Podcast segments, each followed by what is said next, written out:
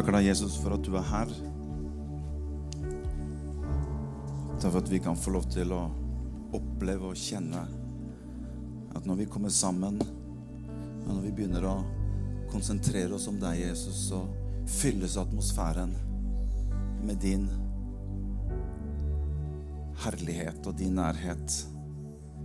Takk skal du ha, Jesus, takk for at du kjenner hver eneste en som er her. Du vet hvilke omgivelser vi har, du vet hvilke utfordringer vi har. Du vet hva vi står i. Men takk for at du er en Gud som er for oss, og ikke en Gud som er mot oss. Takk for at du ønsker å være en som vi kan sette vår tilflukt til. Takk for at du er en klippe, Jesus, som vi kan stå på. Du er en vi kan bygge livene våre rundt, Herre. For du har noe for oss. Og du har sagt i ditt ord at hvis jeg er for deg, hvem kan da være imot deg? La det få lov til å være som en sannhet i våre liv, over våre liv, at når du har sagt at du er for oss, hvem kan være imot oss? Takker deg for det, Jesus. Takker deg for ditt ord. Takk for at vi skal få lov til å dele det sammen. Og jeg ber om at du skal gi oss nå ut ifra ditt ord, Herre. At vi kan få lov til å gå velsignet hjem herfra i dag, Jesus. Det takker jeg deg for. I Jesu navn. Amen. Amen. Tusen takk skal dere ha, lovsangere, musikere. Det er så bra å ha dere med å løfte oss inn i Guds nærhet som dette her. Jeg ser jo bak stolpen min som sitter Thomas. Hei, Thomas. Han er, han er en som dukka opp fra bak stolpen, så jeg er nødt til å røre litt på meg. Ellers kan man gå glipp av sånne hyggelige overraskelser. Thomas har vært i kirken vår i mange mange år. Og eh, så koselig å se, se deg igjen også. Eh, jeg skal fortsette litt på det som jeg begynte med eh, forrige søndag. Jeg vet ikke om noen av dere har fått med det. Hvis dere ikke har fått med det, så kan jeg faktisk anbefale å gå inn på podkasten vår og høre del én av det som jeg begynte med forrige søndag, som jeg egentlig har kalt i ettertid så har jeg kalt det for 'Når Gud kaller'. Eh, og vi gjorde det ut ifra Vi kan godt begynne bare å gå inn i, inn, i, inn i, Skriften med en gang. Vi begynte med dette som står i Josva kapittel 1 og vers 1, disse kjente versene. Vi skal lese det sammen. Bare som sånn recap fra forrige søndag, hvor vi leser sammen at da Moses, Herrens tjener, var død, sa Herren til hans medhjelper Josva, Nuns sønn, min tjener Moses er død. Gjør deg klar til å krysse over Jordan, du og hele dette folket inn i det landet som jeg vil gi til dem, israelittene.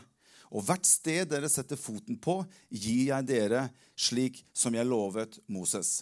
Så litt det utgangspunktet vi snakket om forrige søndag, det er det som Gud sier til Josefa, Gjør dere klar for å krysse over Jordan. Altså Gud ber Israel om å gjøre noe som menneskelig sett er helt umulig. For ingen kunne greie å bare krysse over Jordan på den måten. Det var en stor elv, og i den tiden hvor dette her er aktuelt, så var det rundt høsttid, og på den tiden så steg elven over sine breddegrader, sånn at den elven var så stor og umulig å komme over at det i menneskelig sett var helt umulig. Men Gud ber Israels folk om å gjøre seg klar for å krysse over noe som menneskelig sett er umulig. Og da tenker vi, da snakket vi litt forrige søndag om at Jordan blir en slags form for mellomfase eller et hinder eller hva skal vi si, noe som står i veien for meg og det Gud har kalt meg inn i. Og det er som interessant er at Gud ber meg om, altså Han inviterer meg inn i noe. Han ber meg gjøre noe. Men når jeg ser på omgivelsene mine, så ser jeg at dette blir vanskelig. Så Jordan blir hva skal vi si, et et stykke mellom meg og det Gud har kalt meg inn i. Kan vi bare få opp skriftstedet en gang til? hvis vi... Her ser du, ser du hvordan Gud sier at 'gjør deg klar for å krysse over'.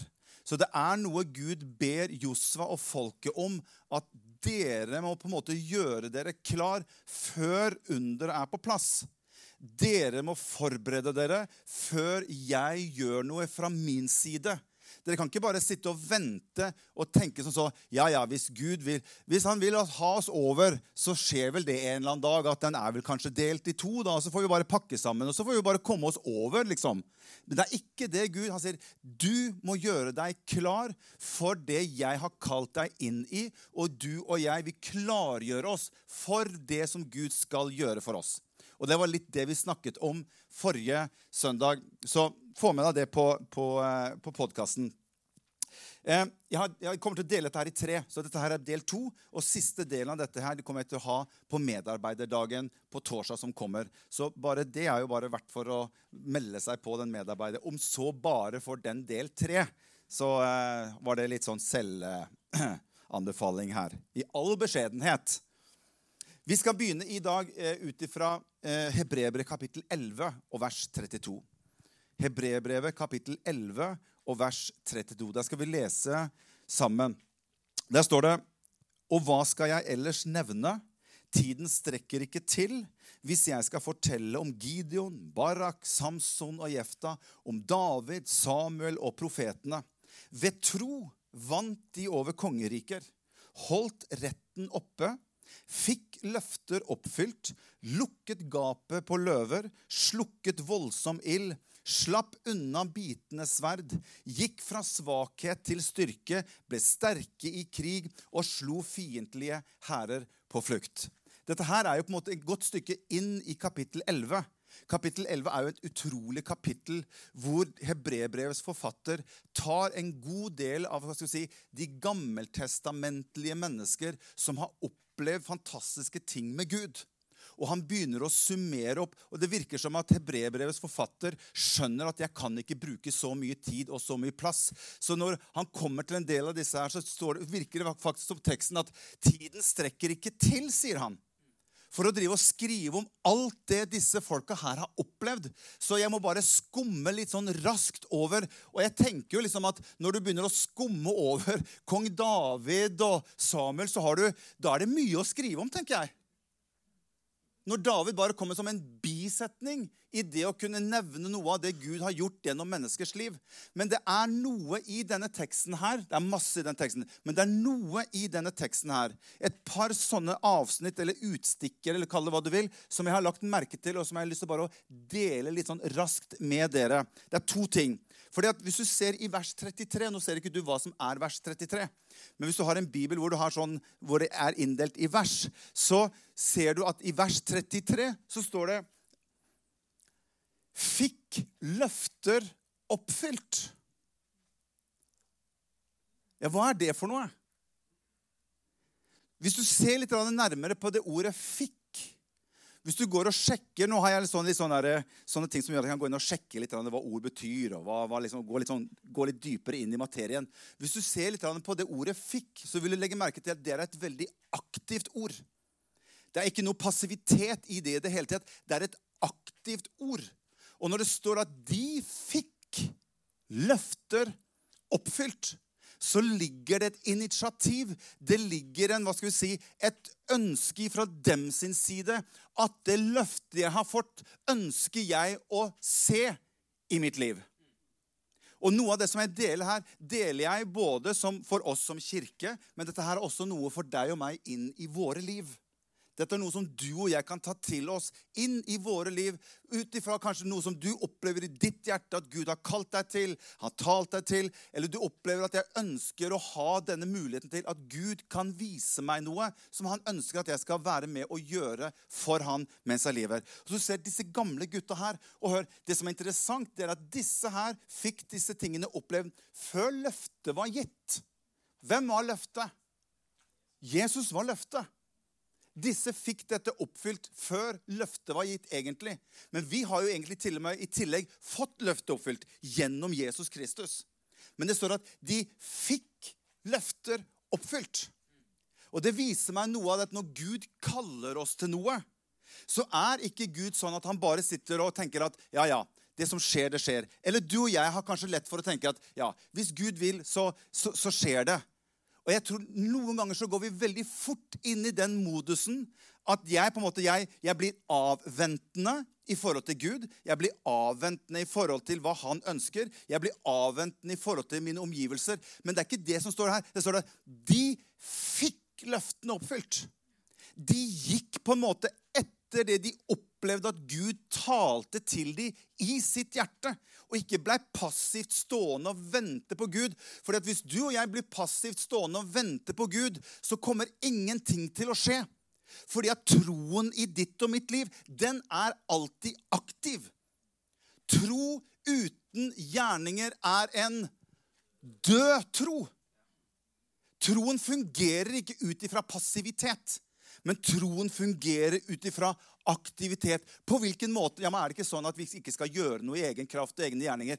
Det er, det er, helt klart. Men du og jeg vi aktiverer oss på den måten at du gjør det du kan, så vil Gud gjøre det han kan. Og det er det som står her. De fikk løftene oppfylt. Fantastisk. Nå er jeg litt sånn ute av manus, men jeg må bare henge meg på. Jeg skal se litt om hva jeg har, har, har skrevet for noe her. Det er en aktiv handling eller respons og ikke passivt mottakende. Det er forskjell på virkeligheten hør, om at for så mange som Guds løfter er, i Kristus har de fått sitt ja.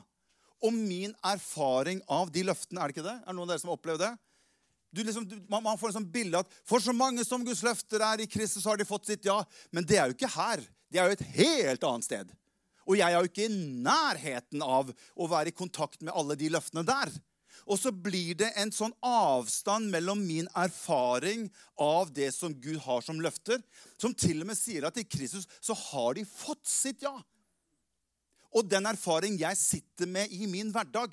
Og det der blir som en sånn slags form for Jordan-elv imellom hva han har bedt og kalt meg til, og hva jeg opplever på min side. Og Det er derfor Gud er så klar med Josef. Han sier at 'gjør deg klar til å få tak på det som jeg ønsker å gi deg', Josva. Du kan ikke bare la Israels leir bare ligge og sove og se på serier og bare vente at en eller annen sånn greie skal bare dunke ned i hodet på Israels leir. Derfor så går Josva ut, og så sier han at til hele Israels folk Han sier i tre dager skal dere gjøre dere klar, fordi vi skal krysse over Jordanelven, sier Josua til Israels folk. Så han ber dem om å gjøre seg klar for det Gud har talt til dem om. Og Det viser noe hos meg. At jeg tror noen ganger har vi lett for å komme inn i en slags form for sånn passivt modus. Og så tenker vi ja, jeg opplever liksom aldri noe med Gud. Nei, vet du hvorfor Jeg tror noen ganger vi ikke opplever noe med Gud. For vi, opp, vi, vi beveger oss med Gud i en passiv modus. Men jeg har lært meg i Bibelen at Bibelen sier at tro uten gjerning er en død tro. Troen er alltid aktiv. Den vil alltid ønske å få tak. Derfor står det 'søk Guds rike' og hans rettferdighet. Står det ikke det? Står det at vi skal søke? Er søk er det passivt, eller er det aktivt? Jeg tenker at det er ganske aktivt. Be, så skal du få. Ja. Det er mye aktivt hva skal vi si, ordforråd i Bibelen som er koblet opp med at hvis du og jeg ønsker å hente ut av det som Gud har for oss, så ønsker han at vi skal lære oss sånn åndelig talt som bibelspråk da, å krysse Jordan. For å få tak på det Gud ønsker at vi skal få tak på. Ja, Hvis ikke jeg ser Skriften på veggen, så kommer jeg ikke til å røre meg en centimeter. Nei, men Da kommer du til å bli sittende der. For Gud kommer ikke til å skrive noe som helst på veggen din. Men han har skrevet noe i sitt ord, og her er det mer enn nok å gå på i forhold til å få tak på noe av det Gud har for oss. Der skulle jeg gjerne hatt et lite amen. dette hadde dere glemt i koronatiden, altså. Det er mer enn nok for oss her å begynne med hvis vi ønsker å gjøre det Gud ønsker at vi skal gjøre. Ja, bra. Ok, jeg må fortsette. Jeg har dårlig tid. Jeg har skrevet noen nøkkelord her. Her kan dere bare skrive ned. Der kan dere legge ut der sånne fine sånn Twitter-meldinger og litt sånt noe. Gullkorn fra Aune. Det er forskjell på virkeligheten om at for som, Ja, den er tatt. Det var ene gullkornet. Min tilnærming eller min respons til hva Gud har for meg, er, er essensielt. hvordan jeg responderer tilbake til Gud, er essensielt i forhold til resultat.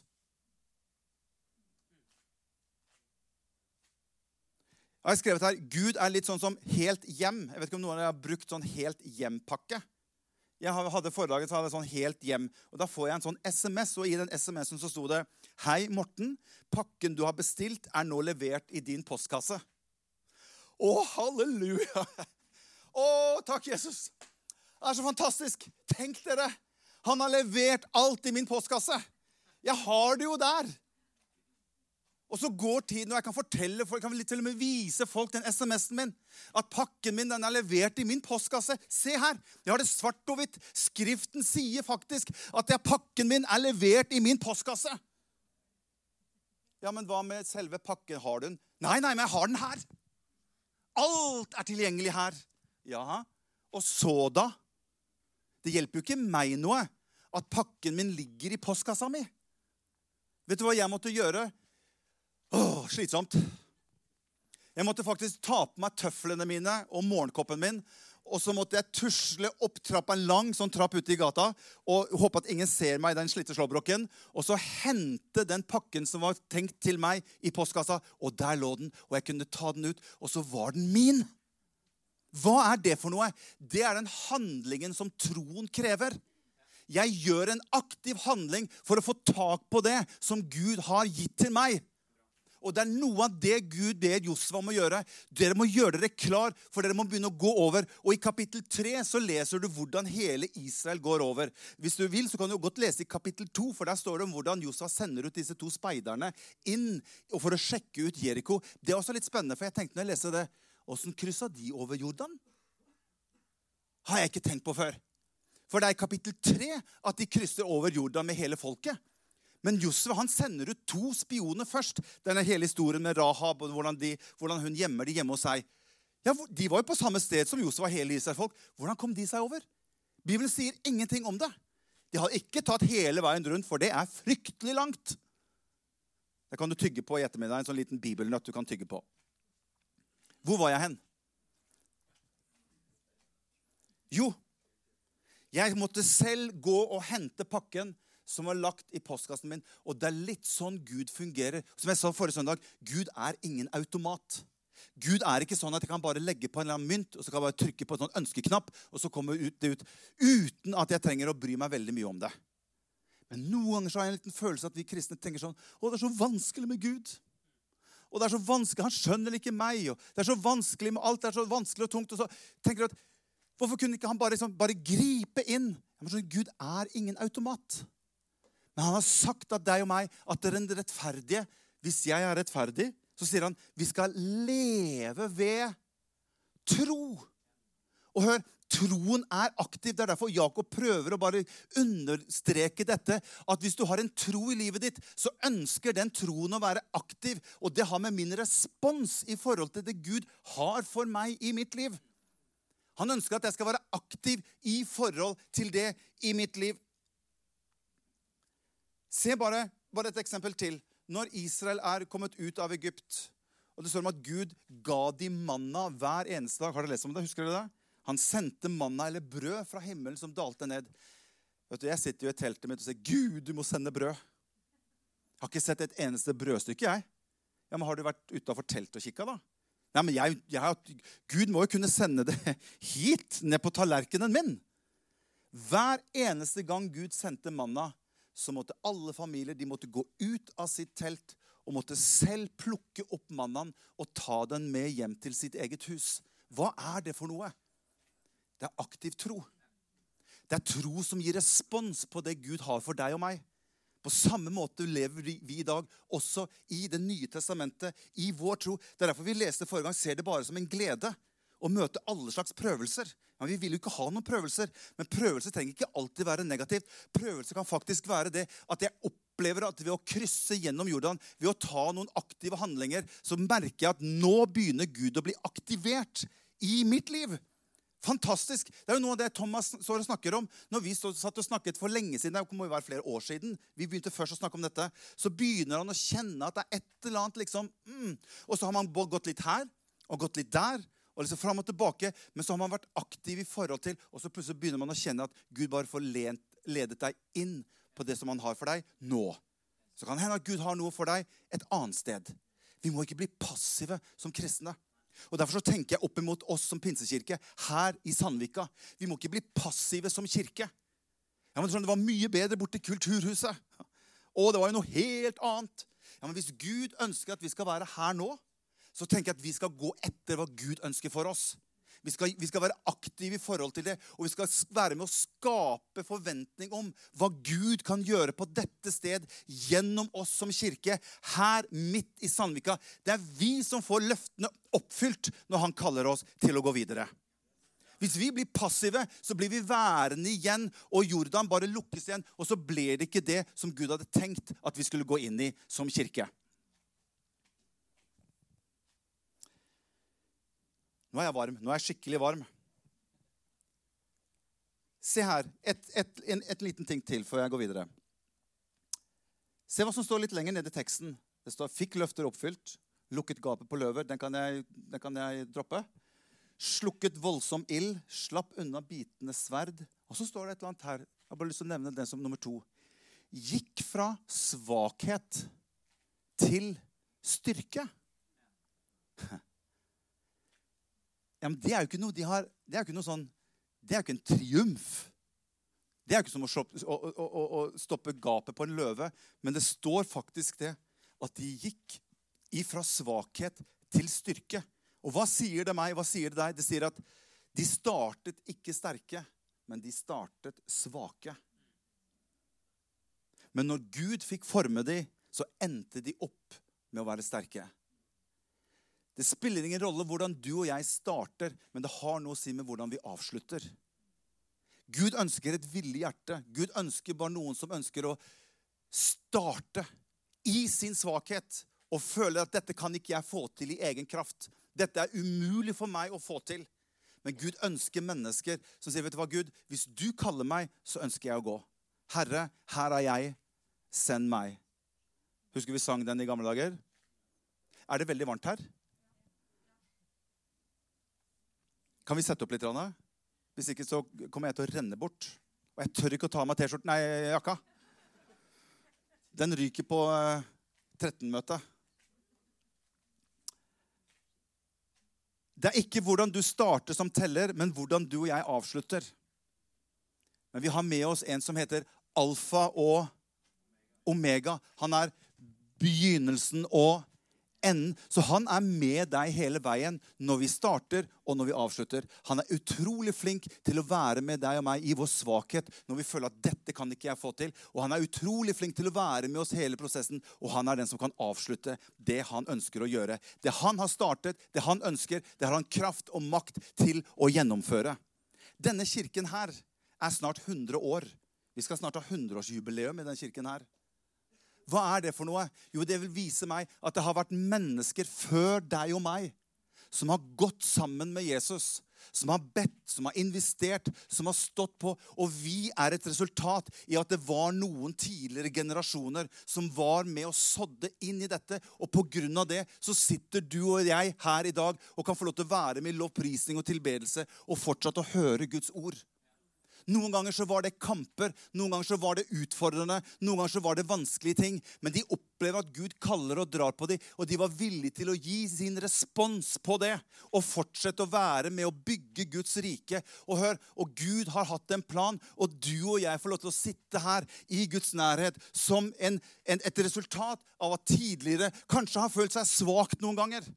Kanskje har følt at det har vært vanskelig, men de har gitt en respons. Og de har sagt, 'Gud, hvis du kaller oss, så ønsker vi å være med og virke videre', slik at de kommende generasjoner kan få lov til å være med og erfare noe av det vi har fått lov å erfare i vår tid.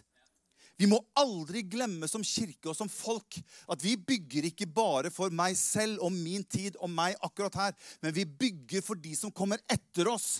Og Derfor så er det så lett noen ganger i det samfunnet vi lever i, at hvis ikke det er nok komfortabelt for deg og meg, så har vi så lett for å komme inn i en slags form for sånn defensiv modus. Nei, dette gidder jeg ikke mer. Nei, dette med Gud det har jeg ikke noe til overs for nå. det finnes mennesker i din slekt, det finnes mennesker i generasjoner som kommer, som skal få lov til å oppleve og erfare Gud i sitt liv. Fordi at du og jeg har sagt et ja i vårt liv til å være med å bygge noe for de som kommer etter oss. Og hadde ikke Josva krysset over den Jordanelven med folket sitt, så hadde de heller ikke kommet inn i det landet som Gud hadde kalt dem til. Men for at de var lydige mot det Gud kalte dem til, så fikk de kommende generasjoner få lov til å erfare og komme inn i løfteslandet. Are you here? Amen? This is serious business. Halleluja. Jeg har to skrifter til slutt, så skal vi, så skal vi avslutte. Andre kongebok 13, vers 20. Og jeg, jeg, jeg, merket på meg når jeg satt med dette, at Gud ønsket at jeg skulle presse litt på dette med at ikke vi bare bygger for oss selv. Og vi som denne, min generasjon, og de som kommer tett opp på min generasjon, vi er komfortgenerasjon. Altså, vi, vi liker ikke motstand. Vi liker ikke at noe er, er, er, brysomt eller vanskelig. eller Kan jeg betale meg noe ut av det, så gjør jeg altså, vi, vi har en komfortabelhet i sinn og tanker og, som en mentalitet. Og jeg er noen ganger redd for at den treffer rett inn i det å bygge kirke og bygge Guds rike. Og bygge mitt eget liv som kristen. For komfortabelheten den tar meg så sterkt at jeg nesten er villig til å legge bort og kompromisse på mye av det som jeg egentlig opplever er rett for mitt liv. Og Vi skal litt, vi skal være litt sånn obs på sånne ting i den tiden vi lever. Og jeg tror kanskje korona har gjort oss kanskje enda mer komfortabel endrede vaner. Jeg skal ikke si hva som er rett og galt. Jeg skal bare si at Vi må være obs på i livene våre, så ikke vi slipper til ting som gjør at vi hindrer noe av det Gud ønsker gjennom livene våre for de tider som skal komme.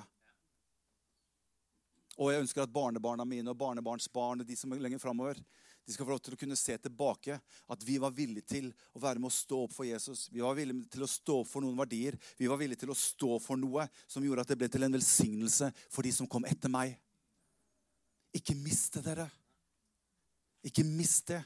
Se hva som står i 2. kongebok 13, vers 20. Fantastisk. Da døde Elisha. Det er jo ikke fantastisk i seg selv, da. men så døde Elisha og ble gravlagt. På den tiden kom det hvert år flokker av mohabitter som herjet i landet. En gang fikk noen som skulle gravlegge en mann, se at det kom en slik herjeflokk. Da kastet de mannen ned i graven til Elisha, Elisha som var av de tidligere generasjoner. Med det, mannen, med det samme mannen kom nær Elishas knokler, ble han levende igjen og reiste seg opp. Jeg har tenkt å si at Du kan bare holde graven min åpen. Altså det er bare å kaste folk ned der, så kan det, alt mulig kan skje. Men det som, det, som, det som, slo meg i det verset her, det er at det Elisha sto i, var trofast i, det ga resultater i etterkant når han var ferdig med sitt liv. Og jeg ønsker at du og jeg skal være slike mennesker og en slik kirke som ikke bare bygger akkurat nå, og er, og er det komfortabelt ikke komfortabelt. Men jeg, jeg sier, jeg løfter mine øyne opp til fjellene. Hvor skal min hjelp komme fra? Jeg fester mitt blikk på Jesus, og jeg går mot han. Og jeg ønsker at det han har for meg, og ikke bare for meg, men alle de som kommer etterpå. Av generasjoner av barn, av gutter og jenter som kommer etterpå. De skal få lov til å erfare og oppleve Jesus i livene sine. At ikke jeg ga opp for fort. At ikke jeg bare tenkte at dette her gidder jeg ikke mer. At jeg bare legger ting bort men at jeg kan få lov til å stå og være med å bygge videre i mitt liv, i min familie, og være med å løfte opp Jesus i den tiden vi lever. Siste skriftsted, så kan lovsangerne komme opp. Hebrebre kapittel 12. Gå tilbake der vi begynte. Oi, oi, oi. For Hvorfor står alt det her om alle disse her fantastiske folka i Gammeltestamentet? Jo, det står her Derfor, når vi har så stor en sky av vitner omkring oss, det er alle som vi har lest om, så la oss legge av alt som tynger og synden som så lett fanger oss inn. Og så står det og med utholdenhet. Nei, jeg liker ikke sånne ord. Jeg liker ikke sånne ord, men det står her for det. Og med utholdenhet fullføre det løpet som ligger foran oss. Så står det med blikket festet på Han, som er troens opphavsmann og fullender. Han som er med meg når jeg begynner å gå, når jeg går inn i nye ting, og han som er med og fullfører det han har som sin plan. Med tro, med blikket festet på han, Jesus, For å få den glede han hadde i vente, holdt han ut på korset uten å bry seg om skammen, og nå har han satt seg på høyre side av Guds trone. Ja, tenk på han som holdt ut en slik motstand fra syndere, så dere ikke blir trette og motløse. Halleluja. Jeg skal ikke be deg å rekke opp en hånd, jeg kan rekke opp en hånd sjøl. Følelsen av av og til å bli litt trett og litt motløs. Har jeg opplevd det i det siste? Absolutt. Har jeg opplevd det mye? Absolutt. Har det vært en kamp? Absolutt. Er den der fortsatt? Absolutt. Jeg kan ikke alltid se på omgivelsene og ting sånt. Jeg må feste blikket mitt på noe annet. Ellers så kan du noen ganger bli litt gæren i huet. Jeg må feste blikket mitt på Jesus. Og det skriftet som jeg har gått og si, memorert den siste uken, det er jeg løfter mine, løfter mine øyne opp mot fellene. Hvor skal min hjelp komme fra? Jo, min hjelp, den kommer ifra Herren. Himmelens og jordens skaper. Jeg er nødt til å bare ha bilde på Han, og så er jeg nødt til å se framover. Og så ønsker jeg å ha en bønn om at vi alle skal få lov til å være med. Og fortsette å være med og tjene Jesus der du er, i din familie, for den tiden vi lever i, og den tiden vi går inn i framover. Gud velsigne dere alle sammen. Kan vi ikke reise oss opp alle sammen? Synger vi en sang til slutt? Thank you, Jesus.